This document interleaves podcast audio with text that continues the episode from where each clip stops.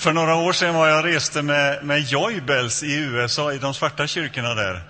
Och vi var i en församling där pastorn kommer in efter en kvart ungefär på mittgången på en röd matta.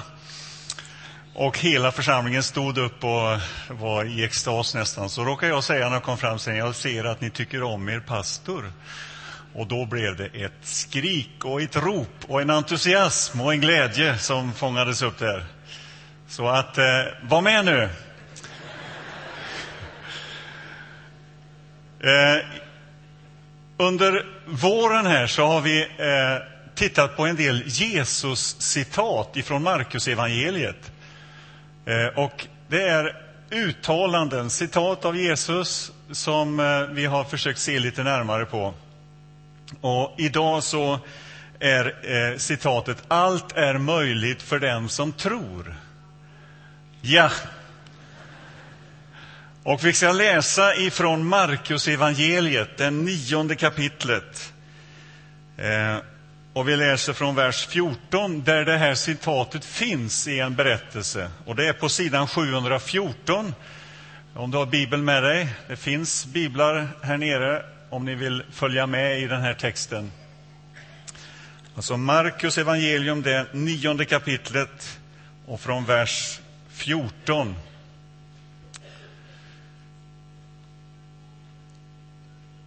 När de kom tillbaka till lärjungarna fann de mycket folk omkring dem och skriftlärda som diskuterade med dem.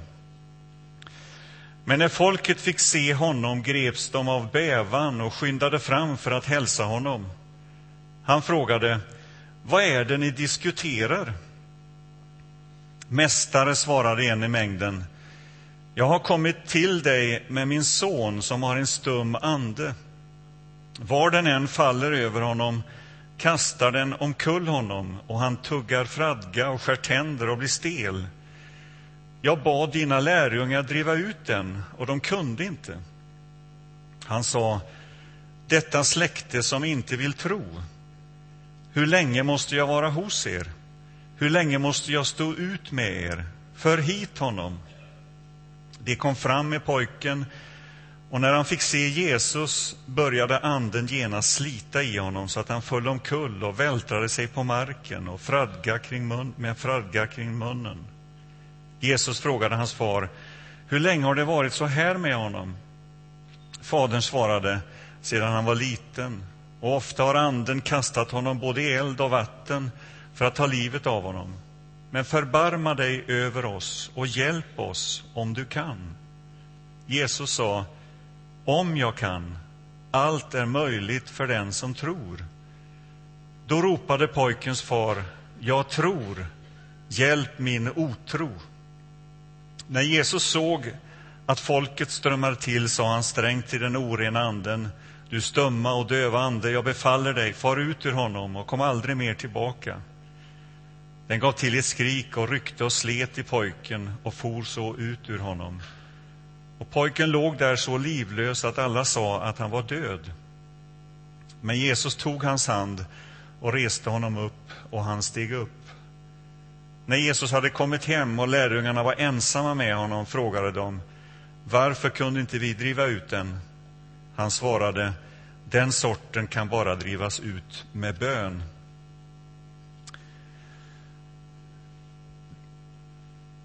Mitt i den här berättelsen finns ett uttryck utav den här mannen. Jag tror, hjälp min otro. Och detta kanske är den allra mest ärligaste och vackraste bön vi har, eller uttalande vi har i Nya testamentet. Åtminstone jag känner igen mig i, det, i, det, i den meningen, i den bönen. Jag tror, hjälp min otro. Och låt mig få börja den här predikan med att få säga att tvivlet har för mig hela tiden funnits med som en följeslagare i min tro. Den har funnits som en medvandrare under hela mitt troende liv, om jag får uttrycka det så. Nu tror inte jag detta är något sensationellt uttalande av en pastor. Utan jag tror att vi alla på något sätt kan känna igen oss i den här mannens vanmakt och i hans längtan och i hans bön. Tron har gått i sällskap med tvivlet. Men jag har allt mer upptäckt genom åren att detta är ett gott sällskap, tro och tvivel. Det är faktiskt så att erfarenheten av tron, eller av tvivlet, har gjort att tron har blivit så mycket vackrare för mig. För det är ju på det här sättet, vad skulle jag med tron till om jag visste allting? Vad skulle jag med tron till då? Alltså, tron gör, gör någonting med mig och tvivlet gör någonting med mig. Hemma har jag en bok som heter Tvivel, en ganska tjock bok skriven av en som heter Os Guinness. Och jag måste säga, det är den mest trostärkande bok jag läst om tvivel. Alltså, den gör någonting med en. Alltså, tvivlet gör att jag söker mig ännu närmare Jesus. Och tro, låt mig få säga redan från början här att, att tvivlet är aldrig på något sätt trons motsats. Vi ska se på det lite längre fram. Utan det är någon slags förutsättning för tro.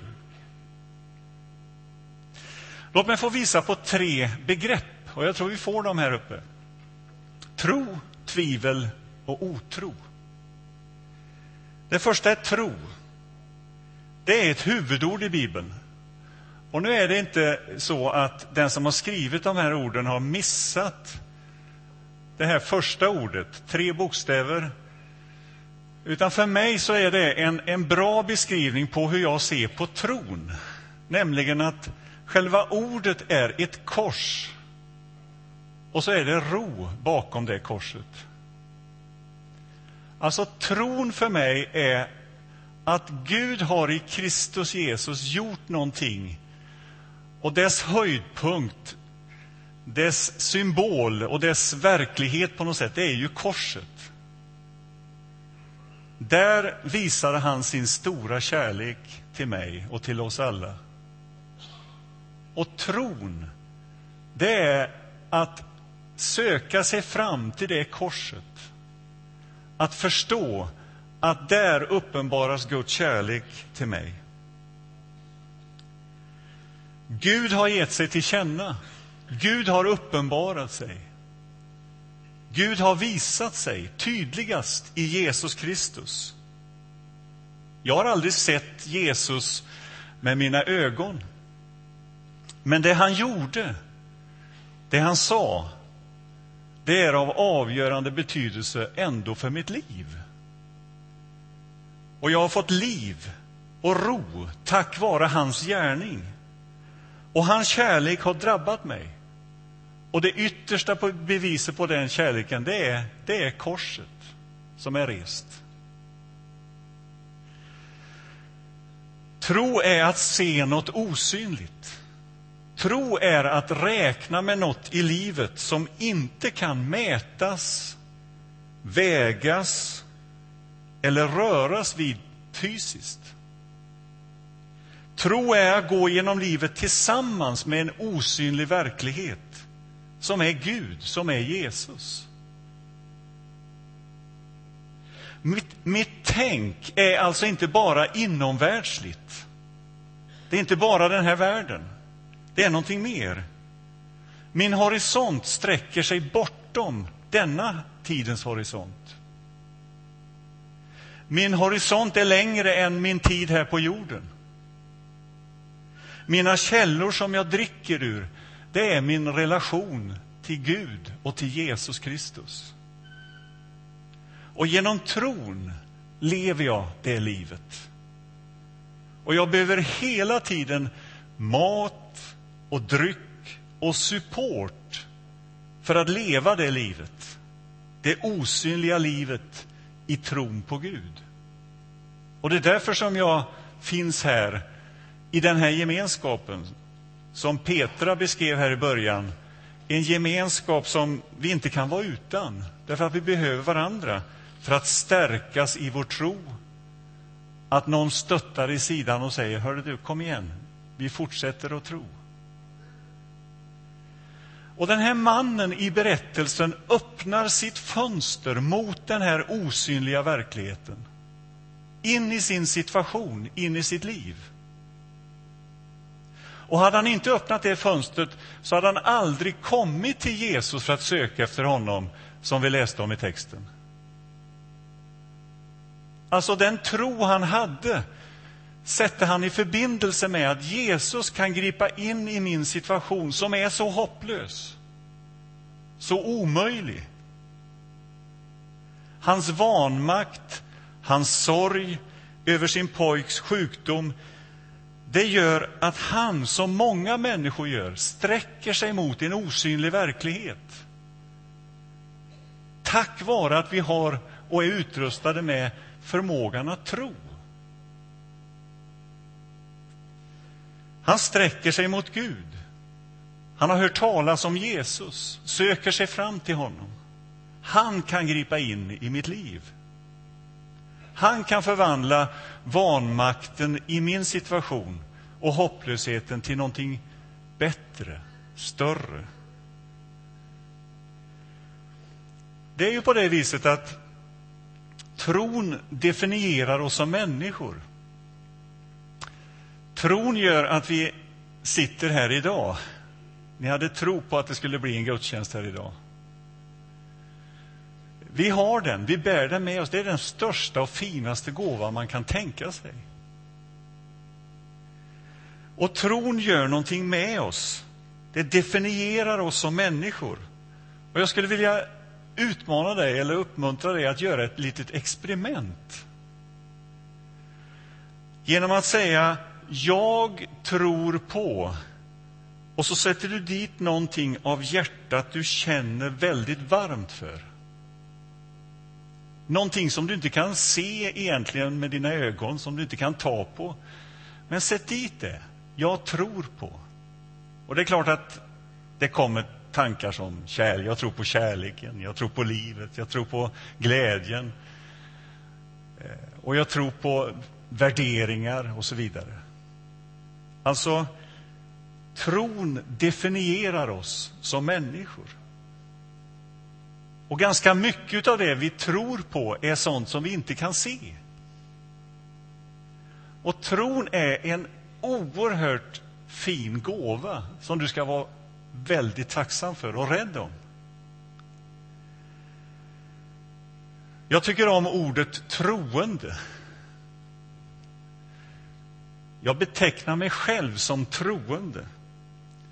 Och att vara troende för mig, det är att vara, att vara formbar, att vara öppen. Att vara öppen till någonting utanför mig själv. Att vara öppen för en, en verklighet som är större än jag själv. Att vara troende, det är att ha ett fönster öppet mot någonting som är högre, som är större än bara detta livet, än bara det som jag kan se. Det sista ordet här, otro,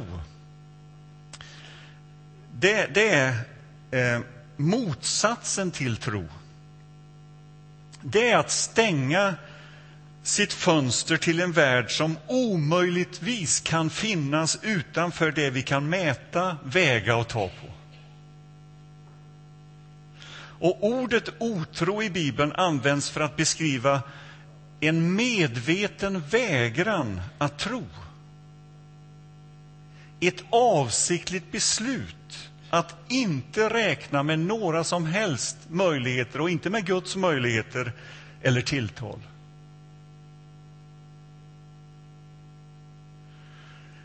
Otron står som någon slags motsats till tron. Och mitt emellan de här två finns tvivlet. Man kan säga att det står där mellan otron och tron. Det dras åt båda hållen. Tvivlet drar mig antingen åt tron eller otron. Det finns ju en person i Bibeln som heter Thomas, en av lärjungarna, som kallades för Thomas tvivlaren, kallar vi honom för. Fast egentligen så heter han Thomas tvillingen. Det betyder Thomas. Jag tycker om det här uttrycket Thomas tvillingen. Jag har själv en son som heter Thomas. Eh, därför att jag känner mig så i allians med Thomas. Alltså, jag känner mig ett med honom. Alltså, han, han, han var en som, som bar på en obändig vilja att veta. Jag vill veta hur det står till. Och Han hade också en otrolig vilja att, att vänta på något sätt att hemligheten som han längtade efter skulle öppnas. Alltså en nyfikenhet. En nyfikenhet som drev honom att jag måste få se. Jag måste få tro. Thomas, tvivlaren. Thomas, tvillingen. Tage Danielsson, han sa så här. Utan tvivel är man inte riktigt klok. Tänk vad bra. Utan tvivel är man inte riktigt klok. Och Samtidigt som man säger det så, kan, så måste man också vara medveten om att tvivlet kan vara förödande. Och Det värsta sättet att hantera tvivlet det är att bära det själv. Och Det är därför som gemenskapen behövs. Församlingen behövs. Det är därför som stöttningen och supporten behövs. Samtalet, vittnesbördet av sådana som har vandrat under kanske längre tid än vad jag själv har gjort.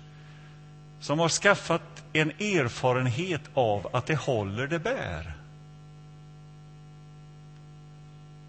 Och det är när jag sluter det liksom inom mig själv, tvivlet, som det liksom kan gnaga en och förstöra en på något sätt. Så lyft fram det. Kom med det. Låt det få bli en positiv drivkraft att ta steg mot tron. Och Den här mannen i berättelsen är egentligen ett lysande exempel på vad du ska göra med din tro och med ditt tvivel. Den här mannen trodde inte bara i största allmänhet han tog några steg fram. Han låter tron omsättas i en överlåtelse. Och vi kan bara ana hans frustration som han känner över sin pojks situation. Alltså det värsta som kan hända är när någonting drabbar ens barn. Nu hade han hört talas om Jesus. Och så tar han steg i riktning mot Jesus. Närmar sig honom. Han kopplar ihop sin pojks lidande, familjens lidande med Jesu förmåga, som han hade hört talas om. Och kanske är du där, i din situation, hur den nu än ser ut, där du på något sätt har undrat Finns det någon Gud som kan hjälpa mig? Är det något fönster jag kan öppna åt en annan riktning, åt ett annat håll? Jag känner min begränsning. Och så tar mannen stegen mot Jesus. Och vad händer då? Jo, han möter några lärjungar som säger att Jesus inte är anträffbar. Han är på berget och ber.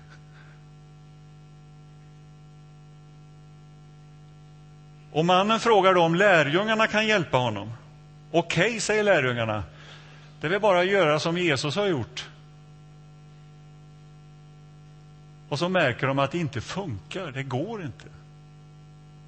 Inget sker. De säger samma saker som Jesus säger och gör samma saker som Jesus hade gjort och ändå funkar det inte.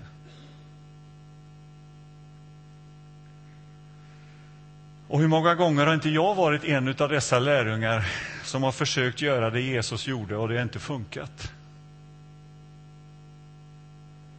Och du kommer alltid att stöta på lärjungar som inte kan göra det Jesus har gjort.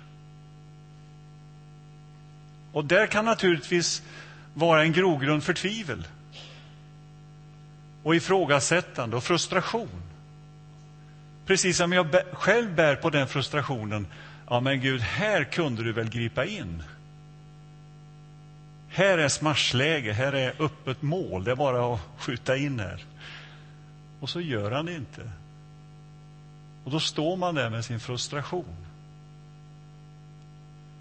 Och när Jesus kommer in i den här berättelsen så är lärjungarna fullt upptagna med vad då för någonting? Jo, en diskussion om varför inte det sker och varför det skulle kunna ske. Och de är fullt upptagna med denna diskussion om helt oväsentliga saker egentligen. Och så kommer Jesus in. Och be, den här berättelsen beskriver på något sätt ett dilemma. Nämligen att det inte alltid funkar för oss lärjungar som följer honom. Men på något märkligt sätt så leder lärjungarnas misslyckande till att Jesus får träda in på scenen. Och det är dit berättelsen vill föra oss. Allt ljus på Jesus är det. Det är han som ska göra undret. Det är han som ska gripa in.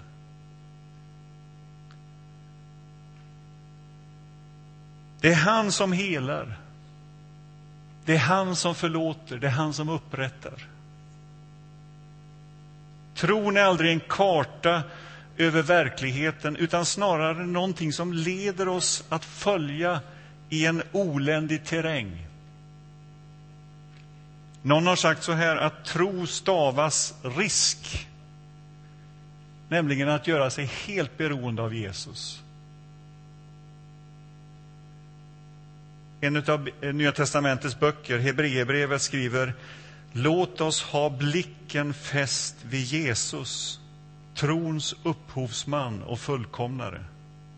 Alltså, han är trons början och trons slut.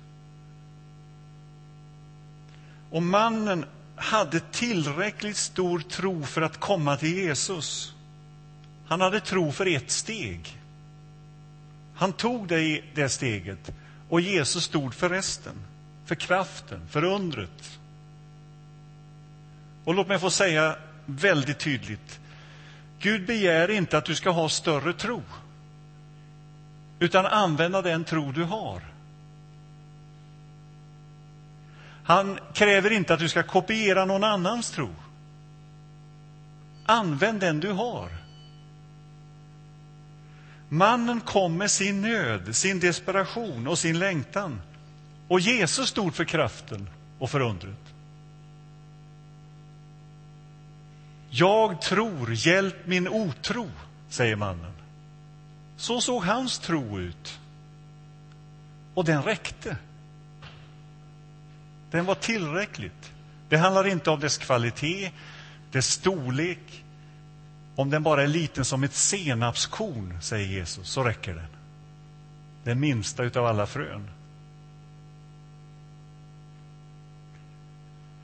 Så i det här experimentet jag bad dig om tidigare så kanske du ska börja med att sätta in också jag tror på Jesus. Och följa den riktningen. Vad betyder det? Vad gör han? Vad sa han? Vad gjorde han? Att undersöka närmare. Och så får vi komma till Jesus. Med vår situation, hur den än ser ut, med våra liv, hur de än ser ut och söka oss fram till honom som har, som har liksom det här står för det där fönstret som vi behöver öppna i våra liv. Han som kan förändra, han som kan befria. Han som kan ge mitt liv en dimension som jag är skapad för egentligen. Den tron, den tron har vi och den får vi sätta in i förbindelse med Jesus. Han trodde på Jesus. Tron står där aldrig själv, liksom, utan den sätts ihop med någonting annat. Och det får vi göra i den här gudstjänsten. I den nattvard som vi ska ha alldeles strax får vi ta de där stegen fram till Jesus. Med våra liv, med vår tro, med vår tvivel, med vår längtan, vår törst. Amen. Låt oss be. Tack Jesus att vi får komma till dig med allt det vi är och allt det vi har. Tack att du har placerat dig inom räckhåll för oss, varenda en. Att du finns här mitt ibland oss. Att vi får sträcka oss mot dig, be till dig, sätta vårt hopp till dig.